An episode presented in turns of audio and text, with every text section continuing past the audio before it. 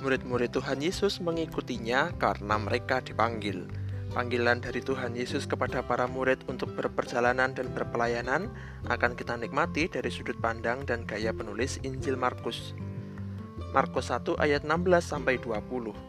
Ketika Yesus sedang berjalan menyusur danau Galilea, ia melihat Simon dan Andreas, saudara Simon. Mereka sedang menebarkan jala di danau sebab mereka penjala ikan. Yesus berkata kepada mereka, "Mari, ikutlah aku." dan kamu akan kujadikan penjala manusia. Lalu mereka pun segera, segera meninggalkan jalannya dan mengikuti dia.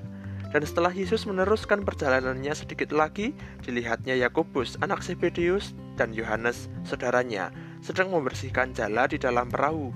Yesus segera memanggil mereka, dan mereka meninggalkan ayahnya, Zebedeus, di dalam perahu bersama orang-orang upahannya, lalu mengikuti dia. Bila kita perhatikan dengan seksama, ada suasana kesegeraan dalam Tuhan Yesus memanggil para murid.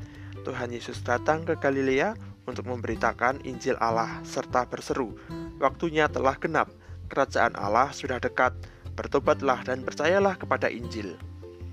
Tuhan Yesus sedang menyerukan tentang kerajaan Allah dan pertobatan kepada banyak orang. Kemudian Tuhan Yesus tidak lama kemudian melihat orang-orang yang akan menjadi murid-muridnya. Mereka adalah Simon dan Andreas.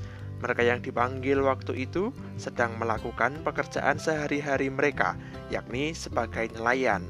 Para nelayan merupakan golongan orang-orang kecil dan sederhana. Mereka tidak lain adalah rakyat jelata. Tetapi kepada mereka, Tuhan Yesus memanggil mereka untuk sesuatu yang besar. Mereka yang tadinya adalah penjala ikan dipanggil menjadi penjala manusia. Ini berarti keluar dari zona nyaman. Menjala ikan berarti hidup bagi diri dan kaum keluarganya, tetapi panggilan Tuhan Yesus lebih besar, yakni menjadi penjala manusia, yang artinya membawa banyak orang kepada kerajaan Allah yang Tuhan Yesus wartakan. Mereka yang Tuhan Yesus panggil pun dikatakan oleh Injil Markus dengan segera meninggalkan jalan dan mengikutinya. Hal yang sama terjadi kepada calon para murid lainnya.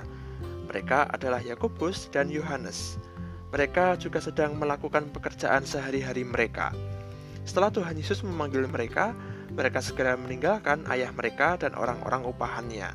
Kemungkinan mereka adalah kaum keluarga yang lebih berada karena ayahnya memiliki orang upahan. Tentu kehidupan mereka lebih baik dibandingkan nelayan biasa yang tidak memiliki orang upahan. Tetapi mereka memilih untuk mengikut Tuhan Yesus.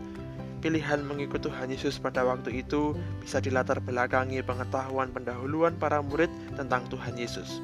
Meskipun Tuhan Yesus belum lama tampil di Galilea, tetapi mereka telah yakin tentang Tuhan Yesus sejak awal untuk mengikutinya, sehingga ketika mereka dipanggil, mereka pasti segera bergegas meninggalkan segala sesuatunya untuk mengikutinya. Kita melihat bahwa mengikut Tuhan Yesus perlu meninggalkan zona nyaman, Kemapanan manusiawi harus ditinggalkan demi terwujudnya kehendak Allah atas dunia ini. Mengikut Tuhan Yesus juga memerlukan kesungguhan. Sebagai murid Kristus, kita tidak berpaling pada kehidupan lama, tetapi melihat ke masa depan untuk mewujudkan kerajaan Allah dan Injil yang Tuhan Yesus nyatakan bagi dunia. Itu adalah keselamatan dan damai sejahtera bagi semua orang Selamat menghayati hidup sebagai murid Tuhan Yesus yang taat dan setia.